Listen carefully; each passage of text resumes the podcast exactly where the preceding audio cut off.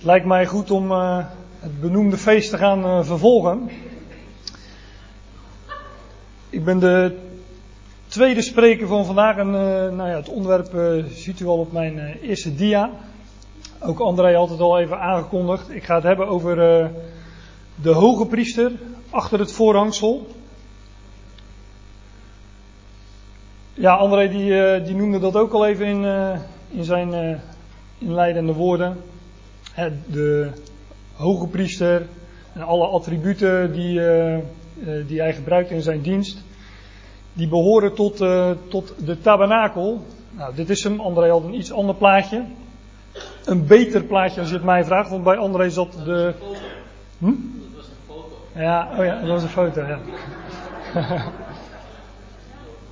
Maar de ingang van de tabernakel zat aan de oostkant. En als dit noord is, dan is dit west. Dus dan zouden we even in onze gedachten de tabernakel een eh, slag moeten draaien. Maar dat is maar een detail. Uh, dit is dus die tabernakel. En uh, ja, inderdaad, we hebben het vandaag slechts over uh, dit kleine vertrekje. Het heilige der heiligen wordt het genoemd in de schrift. Ook wel de tweede tabernakel. Wij hebben daar hele vaste, bepaalde termen voor, maar de schrift uh, gooit die dingen, die termen in ieder geval, die terminologie wel door elkaar. En vaak moet uit het verband blijken waar, waar het over gaat. Die tabernakel is een vooruitwijzing.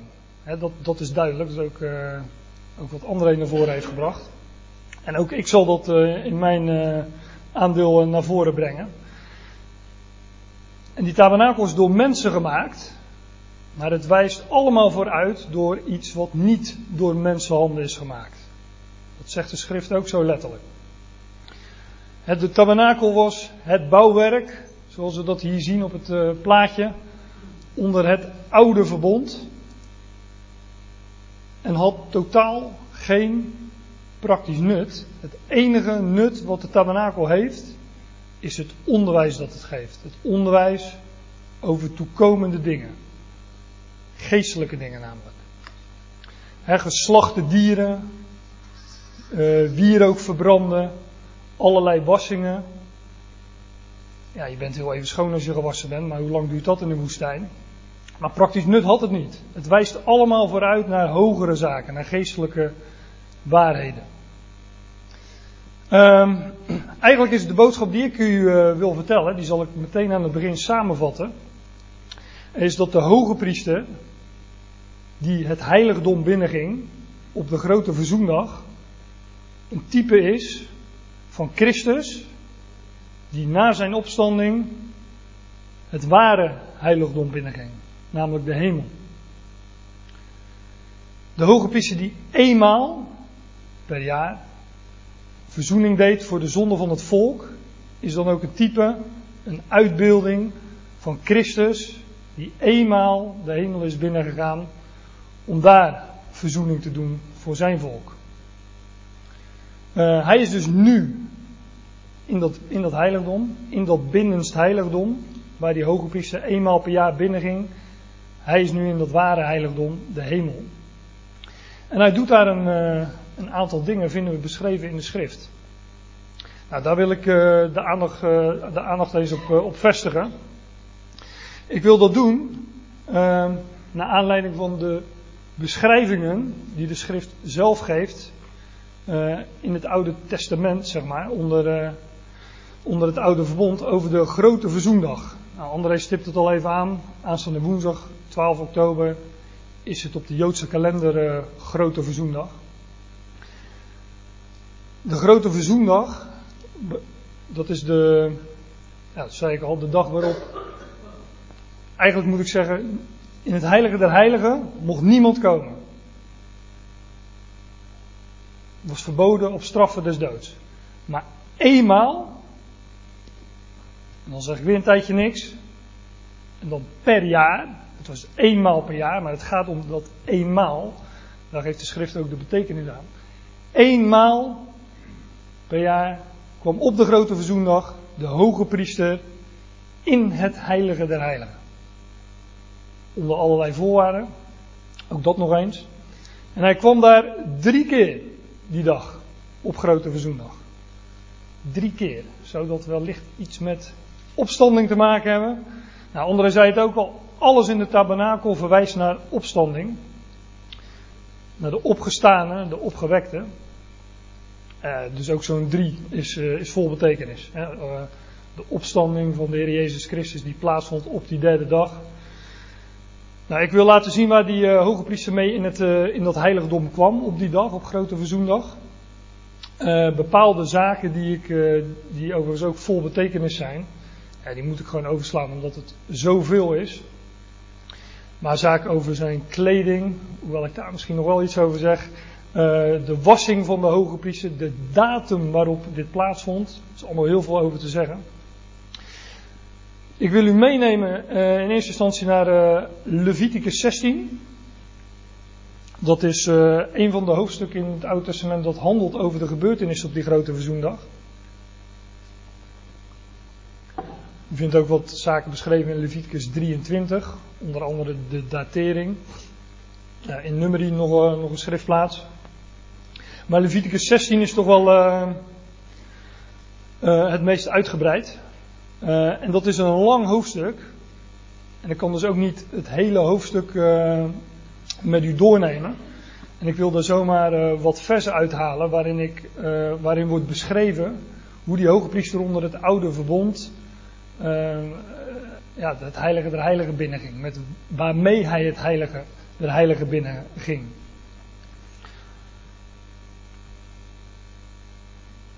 Het zijn drie zaken die ik uh, kort voor de voetlicht wil brengen. Die hoge priester kwam eenmaal per jaar in het heiligdom met bijvoorbeeld onder andere het bloed van een stier om verzoening. Nou, dat woord verzoening heeft André uh, iets over gezegd. Hè? Elke keer als er verzoening staat of grote verzoendag, dan is het eh, Yom Kippur, grote verzoendag, de dag van beschuttingen. Maar grote verzoendag kennen we allemaal, dus ik, inderdaad, ik zal ook die uh, terminologie blijven hanteren. Maar daar gaat het dus over. Hij kwam daar onder andere met het bloed van een stier om verzoening te doen voor zichzelf en zijn huis. We lezen dat in Leviticus 16. Nou, die vers heb ik erbij gezet. Ik projecteer ze voor u. We lezen dat gewoon even door, die versen. Ik zal er wel echt kort wat over zeggen.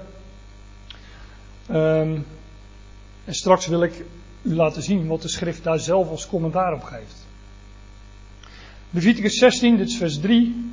Hiermee zal Aaron in het heiligdom gaan met een stier, een jonge rund tot zondoffer en een ram tot brandoffer. Daarna zal Aaron de stier van het zondoffer die voor hem zal zijn offeren en zal voor zich en zijn huis verzoening doen. Nou, kort, eh, ik zei al, alles in die tabernakel en in de dienst van de tabernakel, de tabernakeldienst, spreekt van de opstanding van de opgewekte Christus. Iemand heeft mij gevraagd, uh, doe af en toe eens een plaatje bij, want het, dat, dat spreekt zo lekker. Dus uh, nou wordt op je wenken bediend. Ik heb, uh, ik heb wel het plaatje in mijn presentatie bijgedaan. Ik ben erg blij met deze, omdat dit plaatje nou precies uitbeeldt wat een offer is. Komt hetzelfde tegen. André noemde het ook al even kort. Um, het offer van het geslachte dier vindt namelijk hier plaats. De slachting van het dier is niet het offer. De slachting van het dier vond naast het altaar plaats, of op, eventueel op een slagbank. Het is een uitbeelding, die slagbank, van het kruis van Gogolta. Het kruis van Gogolta is dus niet het offer. Het kruis van Gogolta is de slachting. Het doden van het offerdier is een uitbeelding van de dood van de Heer Jezus. En het offer van de Heer Jezus Christus wordt uitgebeeld in het verbranden van het offerdier, waardoor het opsteeg, zo de hemel in, zeg ik altijd maar. Maar het steeg op tot een lieflijke reuk voor de Heer, of een lieflijke reuk voor Jaweh. Dat is wat we als refrein telkens weer uh, lezen in de schrift. Dus zijn opstanding is het offer. Ik laat geen gelegenheid onbenut om dat naar voren te brengen, omdat het tamelijk onbekend is. En in dit plaatje nogmaals wordt het, uh, ja, wordt het schitterend uitgebeeld. De dood en de opstanding. Um, Aaron zal die, uh, zou die stier, Aaron was de hoge priester, Aaron zou die stier van het zondoffer uh, die voor hem zal zijn offeren. En hij zal voor zich en voor zijn huis uh, verzoening doen. Ik geloof overigens, overigens dat zijn huis hier spreekt van de Ecclesia, de gemeente. En dat wordt bijvoorbeeld in de schrift een, een, woonstede gods in de geest uh, genoemd. Um, een, een, woonplaats van God in, in de geest, uh, maar ook een, een heilige tempel in de Heer. De tempel van de levende God. Wij zijn zijn huis. Ik weet wel, ook Israël wordt zijn huis genoemd. Maar later zullen we zien dat, uh, dat ook Israël hier nog specifiek benoemd wordt. Dus ik geloof dat het hier om, uh, om zijn huis, de Ecclesia, gaat. Hij zal van het bloed van de stier nemen en zal met zijn vinger op het verzoendeksel oostwaarts sprengen. En voor het verzoendeksel zal hij zevenmaal met zijn vinger van dat bloed sprengen. En dit is dus wat de hoge priester deed achter het voorhangsel. Hij is dat heilige der heiligen binnengegaan, staat voor de ark van het verbond en hij sprenkelde bloed voor het verzoendeksel, op het verzoendeksel. Ik zal straks laten zien dat hij dat niet alleen maar vlak voor het verzoendeksel deed, maar al verder daarvoor. Ja, en ook hier weer die zeven maal. Ja, dat spreekt van de volheid, van compleetheid. Een compleet offer dus. Maar ik kom daar straks nog op terug. Wat was dus het eerste waarmee hij uh, in het heiligdom kwam? Het, uh, het bloed van, uh, van die stier. Het tweede is met het bloed van de eerste bok. En u zegt als er een eerste bok is, dan moeten er meer zijn. En dat was ook zo. Er was ook nog een tweede bok. En die kennen wij allemaal, ook uit ons spraakgebruik, de zondebok. Algemeen bekend uh, begrip, uh, ook in onze taal. De zondebok. Maar die zondebok, ja, die komt pas te sprake als de hoge priester weer naar buiten komt. Dus dat past niet binnen mijn onderwerp, de hoge priester, achter het voorhangsel. Maar over het bloed van die eerste bok, hoe ging dat dan? Nou, ook dat lezen we in Leviticus uh, 16. En van de vergadering van de kinderen van Israël, Israël dus, zal hij nemen twee geitenbokken tot zondoffer en een ram ten brandoffer. Nou, hier wordt dus specifiek gesproken over Israël. Dit is een offer, blijkbaar voor Israël. Hij zal ook beide bokken nemen en hij zal die stellen voor het aangezicht van Jehovah in de deur van de tent der samenkomst.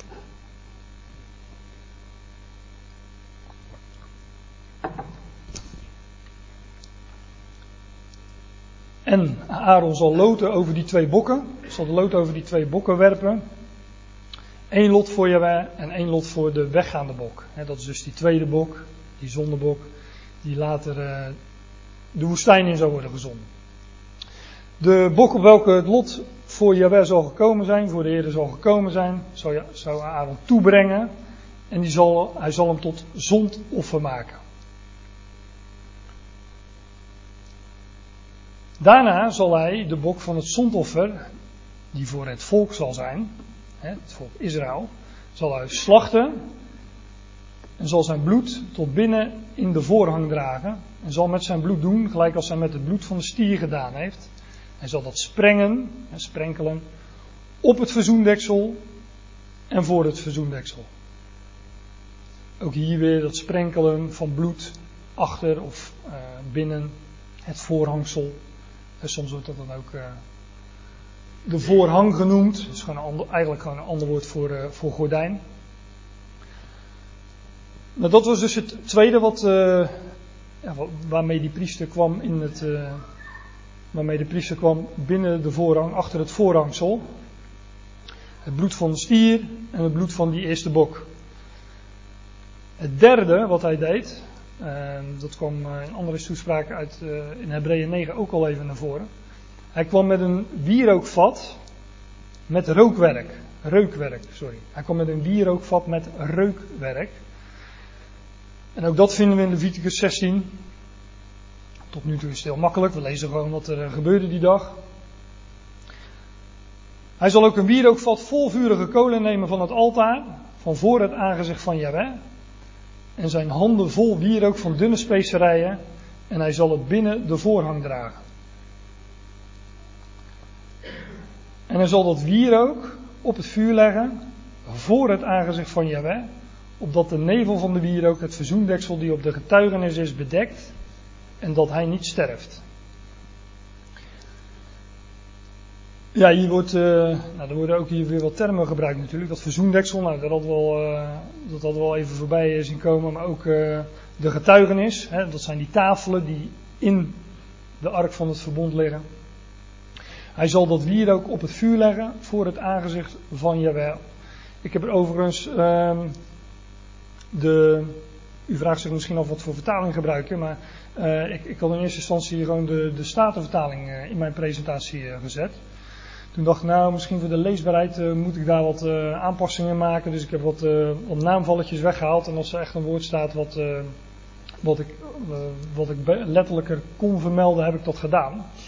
Um, dus wat u hier leest lijkt heel erg op de Statenvertaling, maar met wat kleine aanpassingen. Hier staat uh, dan de nevel, en dat is wel, uh, staat er in de, in de vertaling, dat staat ook zo in de Statenvertaling. Um, en dat is wel grappig, want een aantal versen daarvoor wordt het gewoon vertaald met wolk. Het branden van wierook is eigenlijk een vaste stof die opgaat in rook en dus uh, die een vluchtige stof wordt. Vorst wordt vluchtig. Vlees wordt geest. Daar is het een beeld van. Een, een vast iets wordt, wordt, net zoals die rook van het, van offer, hè, dat offer wat opstijgt tot een lieflijke reuk voor de Heer. Ook dat wierook spreekt daarvan. Dat is, dat is ook een beeld van dood en opstanding. Van vlees uh, dat geest aandoet. Van vergankelijkheid dat onvergankelijkheid aandoet.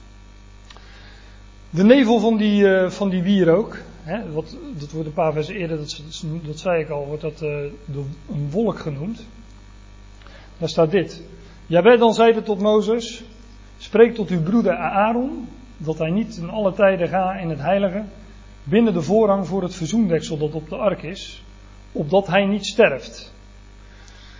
Want ik verschijn in een wolk op het verzoendeksel. Maar wat zien wij als God, als Yahweh verschijnt? Wat zien wij dan? Dan zien we Christus. Dus ook dit is, is een beeld van Christus, van de opgewekte Christus. Ga ik even die, uh, die er terug. Hij zal dat hier ook op het vuur leggen, voor het aangezicht van Yahweh, opdat de wolk, de nevel, de wolk van de wierook, het verzoendeksel die op de getuigenis is bedekt ook hier is Christus degene die nou, bedekt, staat hier. Zoals, zoals, die beschutting, die bedekking. En ook hier weer voor het aangezicht van Jahweh. Maar wie is het aangezicht van Jahweh? Als we Jahweh zien, als we God zien, wie zien we dan? Dan zien we zijn beeld. En zijn beeld is Christus. Alles spreekt van hem. Alles in die tabernakel, alles in die tabernakeldienst spreekt van hem. Zoals de, de, de wolken van, van, de, van wierook.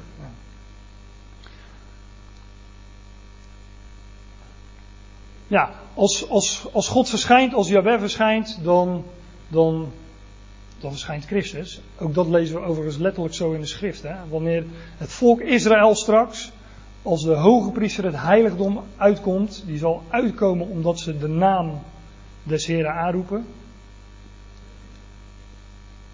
Ze zullen de naam van Jahweh aanroepen, staat er in Zacharia. Zacharia 12, 13, 14 spreek ik nu over. Ze zullen de naam van Jahweh aanroepen en Christus zal verschijnen. Want ze zullen zien wie zij doorstoken hebben. En ze zullen zelfs aan hem vragen, ze hebben Jahweh aangeroepen. De Heer Jezus Christus verschijnt. En ze zullen zeggen, wat zijn eigenlijk die littekens in uw handen? Dus wanneer Jahweh verschijnt, ja, dan zien we hem, dan zien we zijn beeld. Nou, daar spreekt, daar spreekt dit allemaal van. Nu ben ik al een beetje aan het, uh, aan, aan, het toelichten wat het, uh, wat het allemaal voor betekenis heeft. Ik ga dat nog verder doen en dat ga ik doen aan de, de hand van de Hebreeënbrief.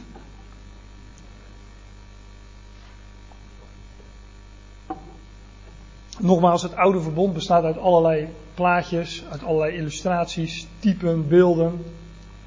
En ze geven ons onderwijs. En de schrijver van de Hebreeënbrief, die, die legt ons uit wat het allemaal te betekenen heeft. Wij zien een hoge priester geschilderd in Leviticus 16, die, die het heiligdom binnengaat. En die daar staat voor de ark van het verbond met, met het verzoendeksel. Die bloed sprengt. Maar wat het uitbeeldt is Christus, de hoge priester, die het ware heiligdom is binnengegaan, namelijk de hemel zelf.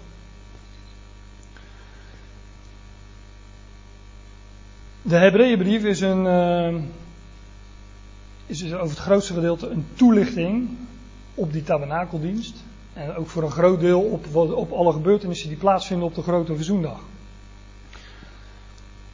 En de Hebreeënbriefschrijver zegt erover, de hoofdsom nu van de dingen waarvan wij spreken, is dat wij hebben zulk een hoge priester die gezeten is aan de rechterhand van de troon van de majesteit in de hemelen.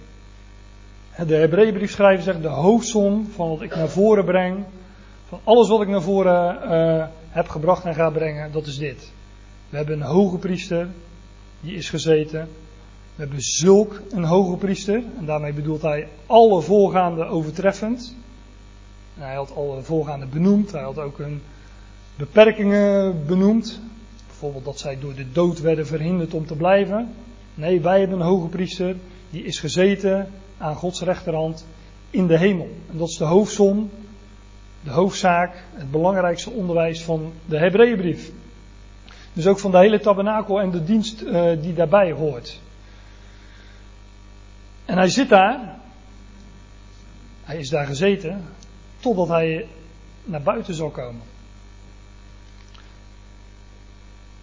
Maar dat is niet het onderwerp van, uh, van mijn toespraak. Want mijn onderwerp is uh, de hoge priester achter het voorhangsel. En daar is hij nu nog. Die hoge priester, vervolgt Hebreeën 8, is een bedienaar. Een dienstverrichter. Van het heiligdom en van de ware tabernakel. En wij altijd, als wij het over de ware tabernakel uh, hebben, of over de tabernakel, dan zeggen we ja, dat is dat ding dat daar ooit stond in de woestijn. Dat bouwwerk, waar, uh, nou, de plaatjes heeft u al gezien. Nee, zegt de schrift. Wij hebben een hoge priester, die is gezeten in de hemel. En hij bedient het heiligdom, namelijk de ware tabernakel. En dat is een tabernakel, een tent, die de Heer heeft opgericht en geen mens. Dus dat gaat niet over dat heiligdom uit Leviticus 16 waar die hoge priester eenmaal per jaar inging. Nee, dat gaat over de hemel waar Christus is ingegaan.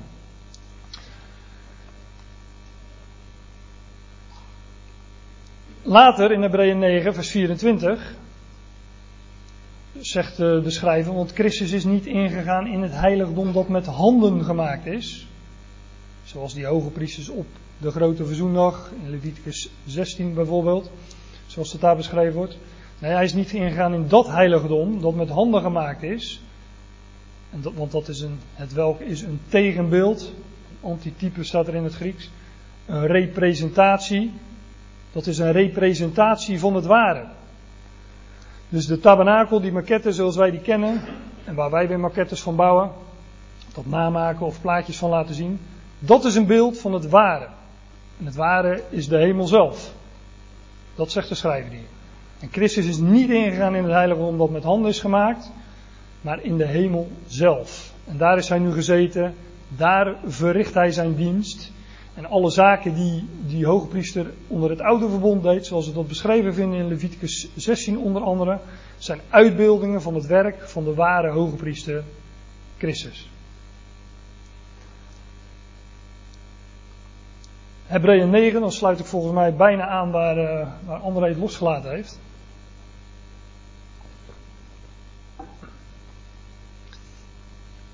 Hebreeën 9, vers 7. Ehm, maar in de tweede, of in het tweede, namelijk het tweede vertrek, het heilige der heiligen. Maar in de tweede, het heilige der heiligen, ging alleen de hoge priester eenmaal per jaar, niet zonder bloed, met bloed dus, hè, maar dat hebben we gelezen, van het bloed van een stier, het bloed van een bok. Hij ging eenmaal per jaar, niet zonder bloed, het welk hij offerde voor zichzelf en voor de misdaden van het volk. Dit gaat dus over de grote verzoendag. Want we lazen in Leviticus 16 dat eenmaal per jaar die hoge priester daar uh, zou ingaan en daar uh, verzoening zou doen. Nou, daar moest hij eerst nog uh, van alles voor doen voordat hij werkelijk aan die taak uh, mocht beginnen. Hij moest zich uh, baden in water. Ehm, ja, hij moest ook, daar hadden we net, na, net in de pauze even over. Ik zei al, alles is een beeld van opstanding. Dat baden in water, een rituele wassing, is net zo goed een beeld van, van reiniging, van, van, van opstanding. Net zoals de waterdoop een uitbeelding is van dood en opstanding. Vooral van opstanding, want wanneer men ondergaat in het water, zou men daar natuurlijk zo snel mogelijk uitkomen. dat lezen we ook in de schrift van de Heer Jezus zelf. Werd gedoopt, terstond kwam hij uit het water. Opstanding. Ja, en hij trok ook uh, linnen kleding aan. Uh, dat betekent dat hij zijn, zijn kleed, wat hij normaal gesproken aan had, dat mooie kleurrijke kleed, aflegde en een nieuw kleed compleet van linnen. Wie een Bijbel heeft, het staat in, uh, bij zich heeft, het staat in Leviticus 16, vers 4. Ik heb er geen, uh, geen dia van. Maar daar staat dat hij een heilige linnen rok zou aandoen. En een linnen onderbroek zal aan zijn vlees zijn. En met een linnen gordel zal hij zich gordel, met een linnen hoed bedekken. Dit zijn de heilige kleden enzovoorts. Hij zou dus zijn ene kleed afleggen en het andere aandoen. Maar ook dat is alweer een beeld van dood, het afleggen en opstanding. Namelijk heerlijkheid ontvangen. En uh, de kleur wit, hè, dat hele kleed, dat hele priesterkleed was van linnen. De kleur wit, hè, dat zijn de zeven kleuren die, die, die met elkaar gemengd zijn. Als je de zeven kleuren van de regenboog met elkaar mengt, dan krijg je wit. Hè. Dus de volmaaktheid, de zeven bij elkaar, dat is wit. Dus wit staat voor volmaaktheid. Dus ook al een beeld van opstanding. Nou, hij ging dus in, in dat tweede vertrek, de hoge priester eenmaal per jaar, niet zonder bloed, het welk hij offerde voor zichzelf en voor de misdaden van het volk. Um, nou, hij deed nogal dingen, het loten tussen die twee bokken, daar hebben we net wel iets over gelezen, enzovoorts. Ik sla dan één vers over en ga verder in, uh, in vers 9. Die, dat is uh, de tabernakel of de dienst van de tabernakel, de tabernakeldienst. Uh, die tabernakeldienst was een afbeelding. Letterlijk staat er uh, een parabel. Dat heb ik wel even een, uh,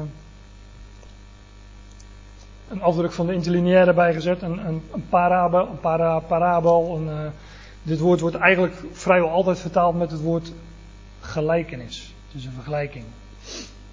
Dus die tabernakeldienst was een, een gelijkenis, een vergelijking voor die tegenwoordige tijd volgens welke gaven en slachtoffers geofferd werden. He, dus hier ook weer die gaven en slachtoffers, die degene die de dienst pleegde niet tot volmaaktheid konden brengen naar het geweten.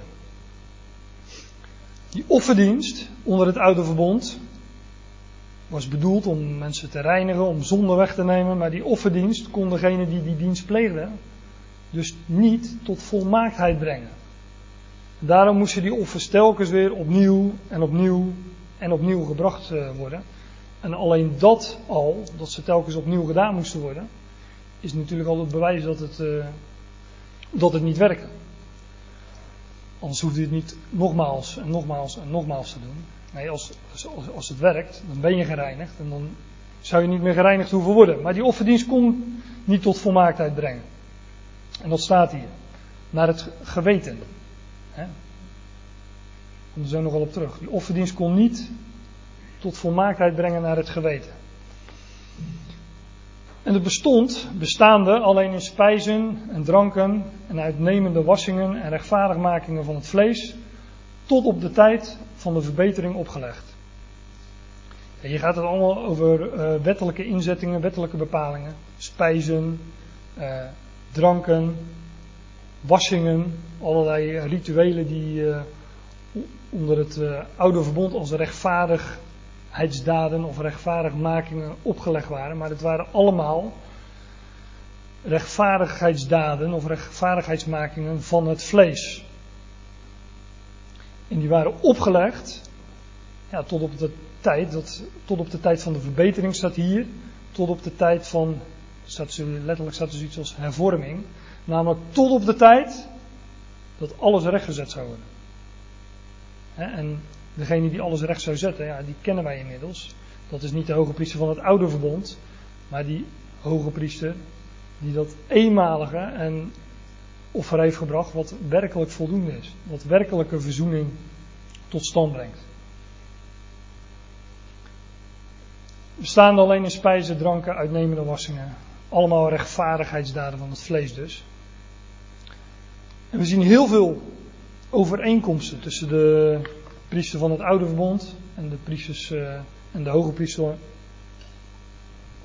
van het nieuwe verbond. Daar zie je heel veel overeenkomsten tussen. En daardoor leren wij dingen, daardoor worden ons dingen geïllustreerd. Maar wat je ook ziet is contrast. En ook door die contrasten leren wij weer uh, zaken. En hier ging het dus over het oude verbond, hè, rechtvaardigheidsdaden van het vlees. Maar dan komt er een maar. Dan komt er inderdaad dus een tegenstelling. En hier gaat het over Christus, de hoge priester van toekomende goede dingen. Ja, ik wist niet zo goed wat ik met dat goede dingen moest. Het is gewoon het meervoud van goed. Maar volgens mij staat de vertaling letterlijk zoiets als goederen. Maar ja, dan denkt u weer aan een opslagplaats of een magazijn of zo. En daar gaat het niet over. Het gaat inderdaad over ja, goede dingen. Christus is de hoge priester van toekomende goede dingen. En hij is een beeld van die, de, de hoge priester van het oude verbond, die, ja, die is een uitbeelding van hem. Maar hij is de hoge priester van toekomende goede dingen. En hij is gekomen zijnde is door de meerdere en volmaakte tabernakel. Dan gaat het natuurlijk weer over de hemel. De ware tabernakel, zoals we dat lazen in Hebreeën 9.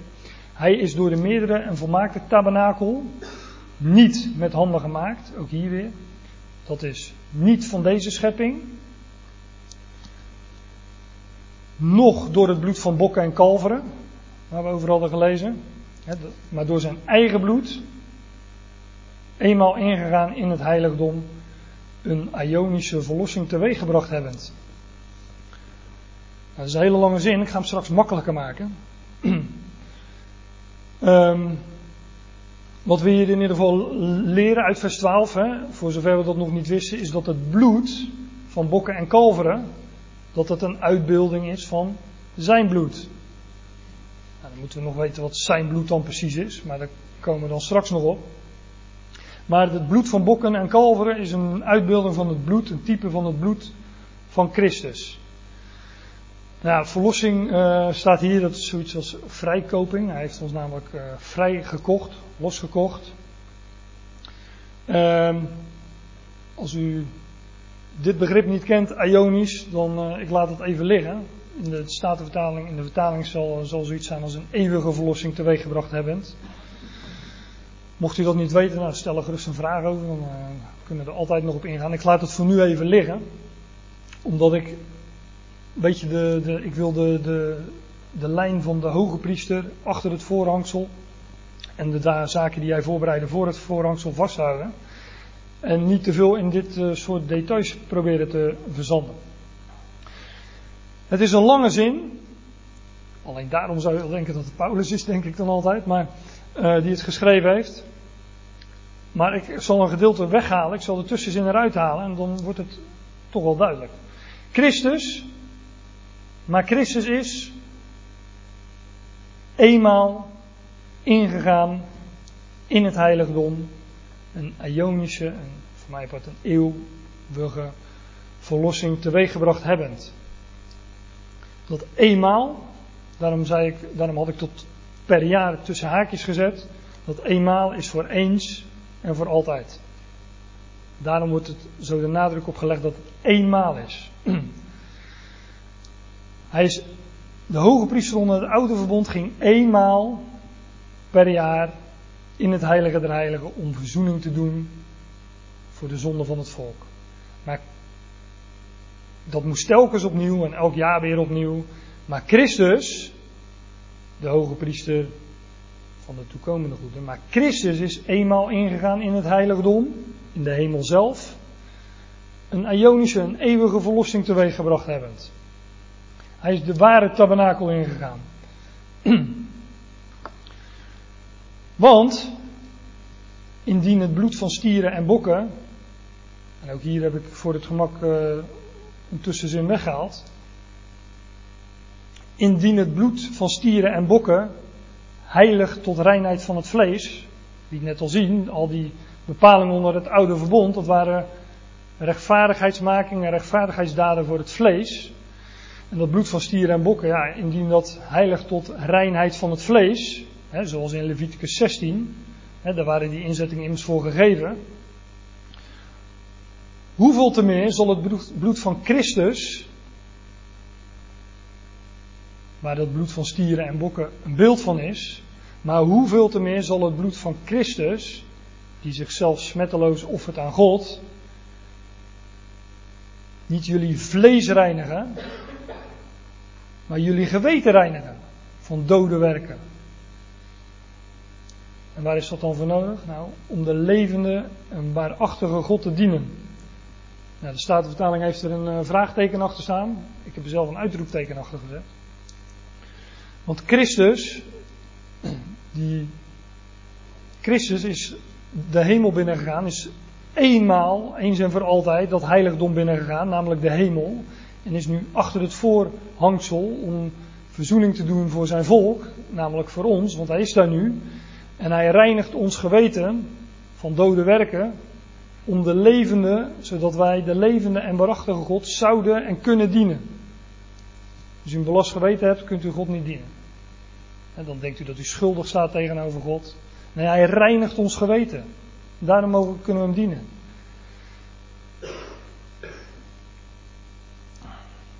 Ja, hoeveel te meer zal dat bloed van Christus ons geweten reinigen van dode werken?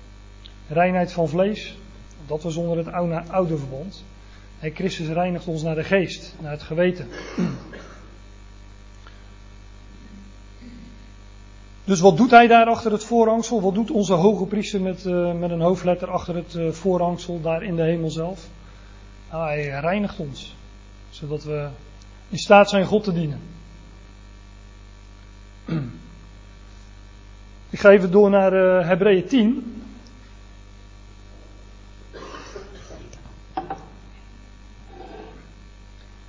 Eigenlijk is, zijn deze versen de conclusie van alles wat de Hebreeënbriefschrijver naar voren heeft gebracht. Hij heeft naar voren gebracht over de hoge priesters van het oude verbond, die niet in staat waren te doen wat, uh, ja, wat, wat, wat Christus wel kon. Hè. Die, ze, ze, ze stierven, ze werden door de dood verhinderd te blijven. Ze konden geen ware verzoening, ware verlossing tot stand brengen. En vervolgens heeft uh, de Hebreeënbriefschrijver uh, nou, de versen die ik naar voren haalde uit, uit uh, hoofdstuk 8 en 9 naar voren gebracht, dat, dat Christus de ware hoge priester is, die de ware tabernakel is binnengegaan. En dan gaat hij een conclusie trekken. Hè, hebbend dan, broeders, hè, hebbend dan, vanwege het voorgaande. Hebben dan, broeders, vrijmoedigheid om in te gaan. En in alle vertalingen staat meestal zoiets als het heiligdom, in het heiligdom, in het bloed van Jezus. Maar er staat hier een, eh, een meervoud voor heiligdom.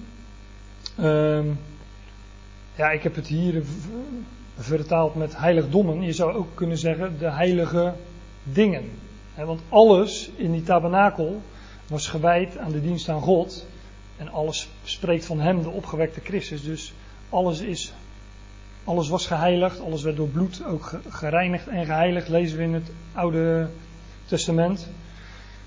Um, dus alle attributen van de tabernakel waren heilig. En uh, in hun betekenis zijn ze dat natuurlijk ook. Vanwege, van, juist vanwege hun betekenis en vanwege het onderwijs van die attributen zijn ze heilig. Nou ja, dat kunt u dus bijdenken, heilige dingen of heiligdommen. Maar in ieder geval gaat het ook over de heiligdommen. En dat zal ik straks laten zien, want het gaat niet alleen over het heilige der heiligen, maar ook over het heilige, dat andere heiligdom. Vanwege het voorgaande dus, zegt hij, dan hebben de dan broeders vrijmoedigheid om in te gaan in de heiligdommen, hè, in het bloed van Jezus. Nou, dat is wat, uh, wat cryptisch. Maar die, die hoge priester onder het oude verbond, die ging daarin met het bloed van, van die stier en met het bloed van die bok. En hij sprenkelde dat, hè, hebben we in ieder geval gelezen voor de ark van het verbond en uh, op het verzoendeksel. En dat is een beeld van de Heer Jezus Christus, de, de hoge priester zeg ik maar weer met een hoofdletter, die de hemel is binnengegaan met zijn eigen bloed. Maar wat de schrijver hier naar voren brengt, is weer een stapje verder. Hij zegt, wij hebben dan broeders vrijmoedigheid. We hebben volle vrijmoedigheid, zegt de NBG-vertaling geloof ik. We hebben volle vrijmoedigheid om ook in te gaan in dat heiligdom. Of in die heiligdommen. Wij mogen daar ook in gaan. Wij kunnen daar ook in gaan. Uh, nou, om het heel uh, uh, simpel te zeggen, we kunnen hem gewoon achterna lopen. Hebben dan broeders vrijmoedigheid om in te gaan in de heiligdommen of in het heiligdom in het bloed van Jezus? Hoezo in het bloed van Jezus? Kom ik zo op terug. Op een nieuwe en levende weg, zegt de Statenvertaling dan. Nu heb ik al even de interlineaire erbij gepakt. Want wat hier letterlijk staat, en daarom ging ik net toch even wat uitgebreider in op, uh, op, op het offer, hè, het geslachte dier naast het altaar, het brandofferaltaar was dat op het plaatje.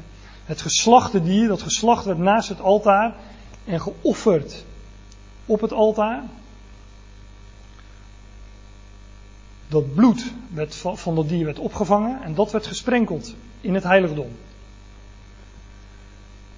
En zo ontstond een weg van bloed, hè, toen letterlijk, op, de op, op het woestijnzand, een weg van bloed ontstond daar.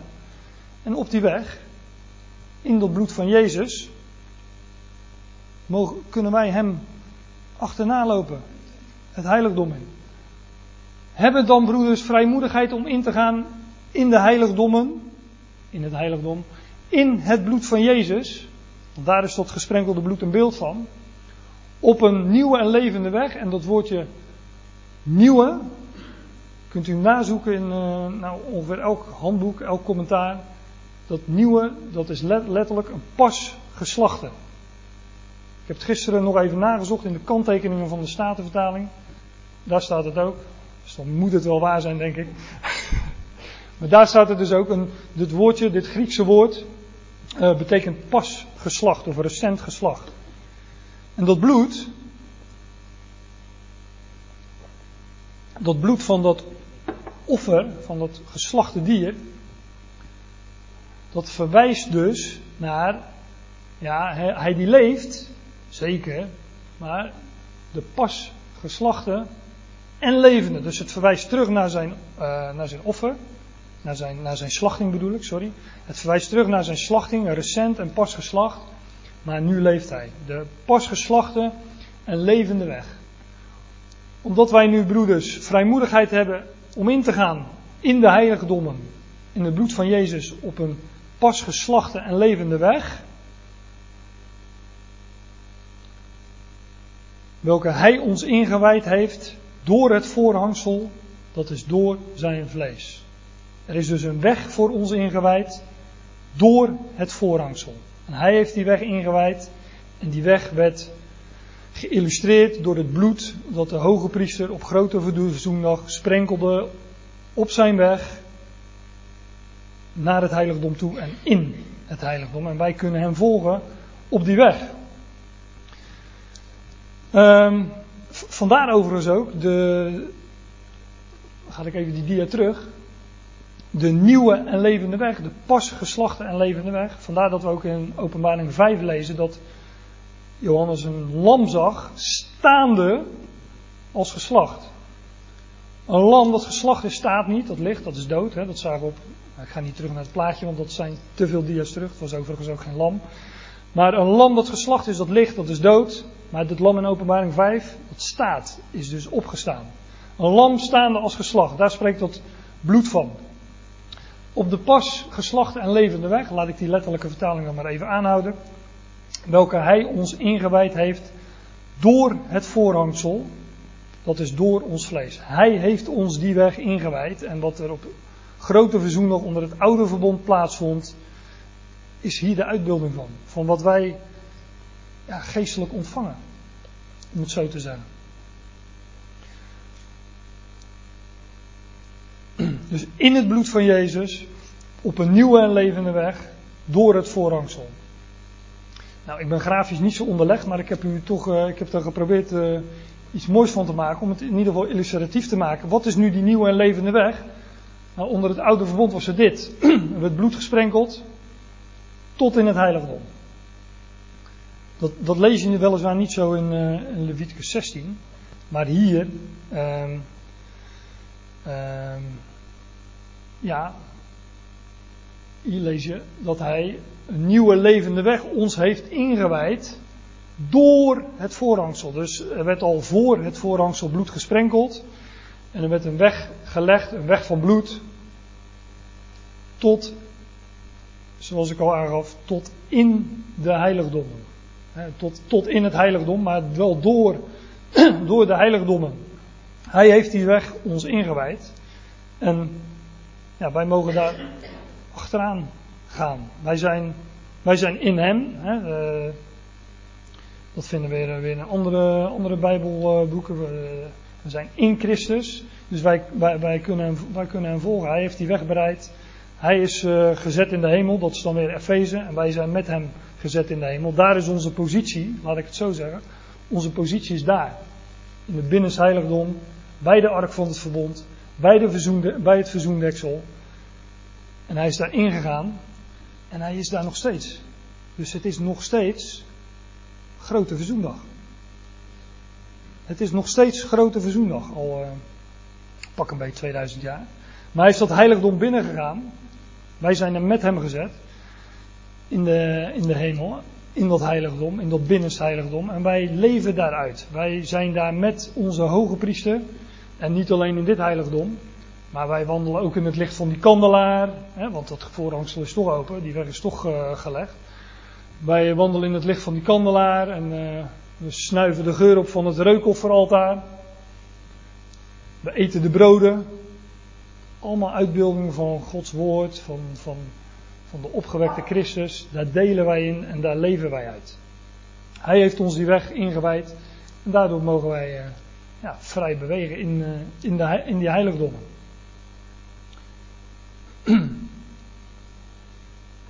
De uitspraak van de Heer Jezus Christus in Johannes 14. Ik ben de weg, de waarheid en het leven. Ik ben de levende, ware weg. Ja, ik kan me niet aan de indruk onttrekken dat, dat de Heer ook hier aan gedacht heeft, aan deze weg. De levende, ware weg. Of de nieuwe en de levende weg, de versgeslachte en levende weg. Maar het verwijst allemaal naar Hem de weg die hij gegaan is en de weg die wij met hem gaan. Nou, op een nieuwe en levende weg, welke hij ons ingewijd heeft door het voorhangsel, dat is zijn vlees. Leert u gelijk wat typologie, wat is het, waar is het voorhangsel een beeld van? Nou, van zijn vlees.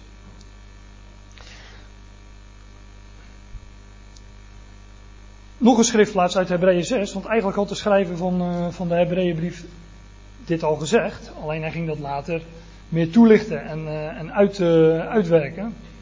Hij zei in Hebreeën 6 al, om de hoop, ja ik, ik, ga voorbij aan het verband, om de hoop die voor ons ligt vast te houden. Ik ga niet, ik ga niet uitgebreid in wat die hoop is. Ik zeg gewoon dat is een persoon en die hoop, dat, alles wijst op Christus, dus de, deze hoop wijst ook op Christus.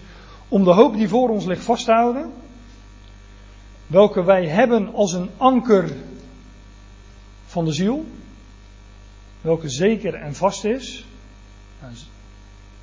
en ingaat tot in het binnenste van het voorhangsel. Plaatje er maar weer bij gedaan. Die hoop, die gaat, hebben wij als een anker de ziel, gaat in tot in het binnenste van het voorhangsel. U begrijpt dat het beeldspraak is. Waar het mij om gaat is het volgende wat de schrijver hierna zegt. Waar ook de voorloper voor ons is ingegaan. En nogmaals, we hebben een voorloper. Hij is ons voorgegaan. Dat betekent dat wij hem volgen. En onze positie is daar, bij hem, bij de ark van het verbond, bij het verzoendeksel, bij onze opgewekte Heer. Daar is onze positie. Wij zijn met hem gezet in dat heiligdom in de hemel. Laten we dan daar naderen. Laat ons dan met vrijmoedigheid, ook hier weer die vrijmoedigheid, laat ons dan met vrijmoedigheid naderen tot de troon van de genade.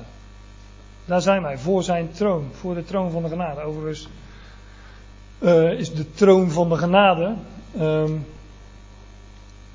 een beeld, tenminste, een, ja, dat is wat de, de schrijver van de Hebreeënbrief, de, het, verzoen, waar de schrijver van de Hebreeënbrief het verzoenwerk mee aanduidt. Mag ik natuurlijk niet meer over zeggen nu, maar dat is in de Hebreeënbrief de aanduiding voor, de, voor het verzoendeksel. Laat ons dan met vrijmoedigheid naderen tot de troon van de genade, waar die hoge priester is, die met zijn bloed is ingegaan. En waar die gerub zijn, als uitbeelding van zijn heerlijkheid. Wij zijn daar, wij mogen met hem, uh, wij, wij zijn daar met hem. Wij leven op grote verzoendag. Wij zijn verzoend, bedekt, beschut, wat dan ook. We hebben elke geestelijke zegening ontvangen, dus uh, noem het maar. We hebben het ontvangen in hem. En daarom uh, ja, hij heeft ons hier de ware en levende weg, die, die, die nieuwe en levende weg heeft hij ons ingewijd. Ja, en dat is onze positie. En dat is dus ook uh, zo ongeveer het einde van uh, mijn bijdrage over de hoge priester achter het verzoendeksel. Waren het niet dat ik toch heel kort iets wil vertellen over de hoge priester die het heiligdom uitkomt. Want hij zal, en dat zal niet heel lang meer duren denk ik, hij zal dat heiligdom nog eens uitkomen. Hij is daar nu. Hè, uh, hij wacht daar tot, uh, ja, totdat alle vijanden onder zijn voeten worden gesteld. Maar hij, hij, zal terugkomen en hij zal verschijnen. En ook dat lezen we in uh, Leviticus 16. Dit is overigens ook mooi. Geen mens zal in de tent van de samenkomst zijn om in de heilige plaats verzoening te doen totdat hij zal uitkomen. Hij is ingegaan in dat heiligdom. De Heer Jezus Christus is ingegaan in het heiligdom na zijn opstanding. En op dat moment is al het werk gestaakt. Al het, al het werk is nu gestaakt, zoals toen onder het oude verbond. Op die grote verzoendag, het moment dat de hoge priester inging in het heilige der heiligen. Op het moment dat de hoge priester inging in dat heiligdom, moest al het werk worden gestaakt. Dus ook de dienst uh, in, de, in dat heilige, de dienst, uh, uh, de, de, kandelaar die moest bijgehouden worden, noem, het maar, het reukoffer altijd moest reukwerk op gedaan worden. Werd allemaal gestaakt. Als eenmaal die hoge priester inging in dat heiligdom. Als type van Christus die eenmaal inging in, de ware, in het ware heiligdom, in de hemel zelf. En dat, en dat werk voor eens en voor altijd deed en daarmee zorgen dat al het andere werk gestaakt kon worden. En daar leven wij uit. En als u wel werkt, ja, dan is dat volkomen onterecht, want er is iemand anders die werkt. Er is iemand die u reinigt, er is iemand die u heiligt, er is iemand die, nou noem het maar, u bent gezegend met elke geestelijke zegening in de hemel. Kunt er niks aan toedoen, kunt er niks aan afdoen. Hij doet dat werk. En dus zouden wij niet werken. En daarom werd al het werk op de grote verzoendag gestaakt. Het gestopt. Laat ons dan met vrijmoedigheid naderen tot de troon der genade. want genade, genade werkt, laat ik het zo zeggen. Hij werkt, genade werkt. Dus wij werken niet. Na zijn uitkomen, lezen we hier, want er zal een moment komen dat hij zal uitkomen. En dat was het moment waarop het volk wachtte tot de hoge priester naar buiten kon. Dat is altijd spannend, want als die hoge priester zich niet aan de voorschriften hield, dan zou hij sterven. Dat vinden we ook in de, in de beschrijving eh, van deze gebeurtenis. Dus het volk stond te wachten tot die hoge priester naar buiten kwam. Maar hij is nu nog binnen, lezen we in Hebreeën. De toelichting van eh, de Hebreeënbrief. Hij is nu nog binnen, maar hij zal uitkomen en dan zal grote verzoendag voor Israël aanbreken. Zal hij het volk zegenen en, en allerlei zaken die we in de rest van Leviticus 16 beschreven vinden, wat ik niet gelezen heb, over die weggaande bok die de woestijn in wordt gezonden, ja, die hebben dus allemaal betrekking op de verzoening van Israël. Dat zal gebeuren wanneer de hoge priester uit het heiligdom naar buiten zal komen. Ja, wanneer zal hij dat doen? Nou, ik had net al over Zachariah 12, 13, 14. Wanneer ze de naam van Yahweh, de naam des Heren aan zullen roepen, dan zal hij, eh, dan zal hij inderdaad uitkomen. En dan zal, hij, eh, dan zal hij het volk gaan zegenen en zal voor hen ook de Sabbat aanbreken. Want de grote verzoendag, dat was een Sabbat. Met, met, nadruk wordt dat gezegd ook in Leviticus 16. Het was een Sabbat. Als de hoge priester uit zou komen uit dat heiligdom, zal voor Israël de Sabbat aanbreken. Maar nu is het nog steeds voor ons Sabbat, rust. En naderen wij tot de troon der genade. Ik wil het hierbij laten.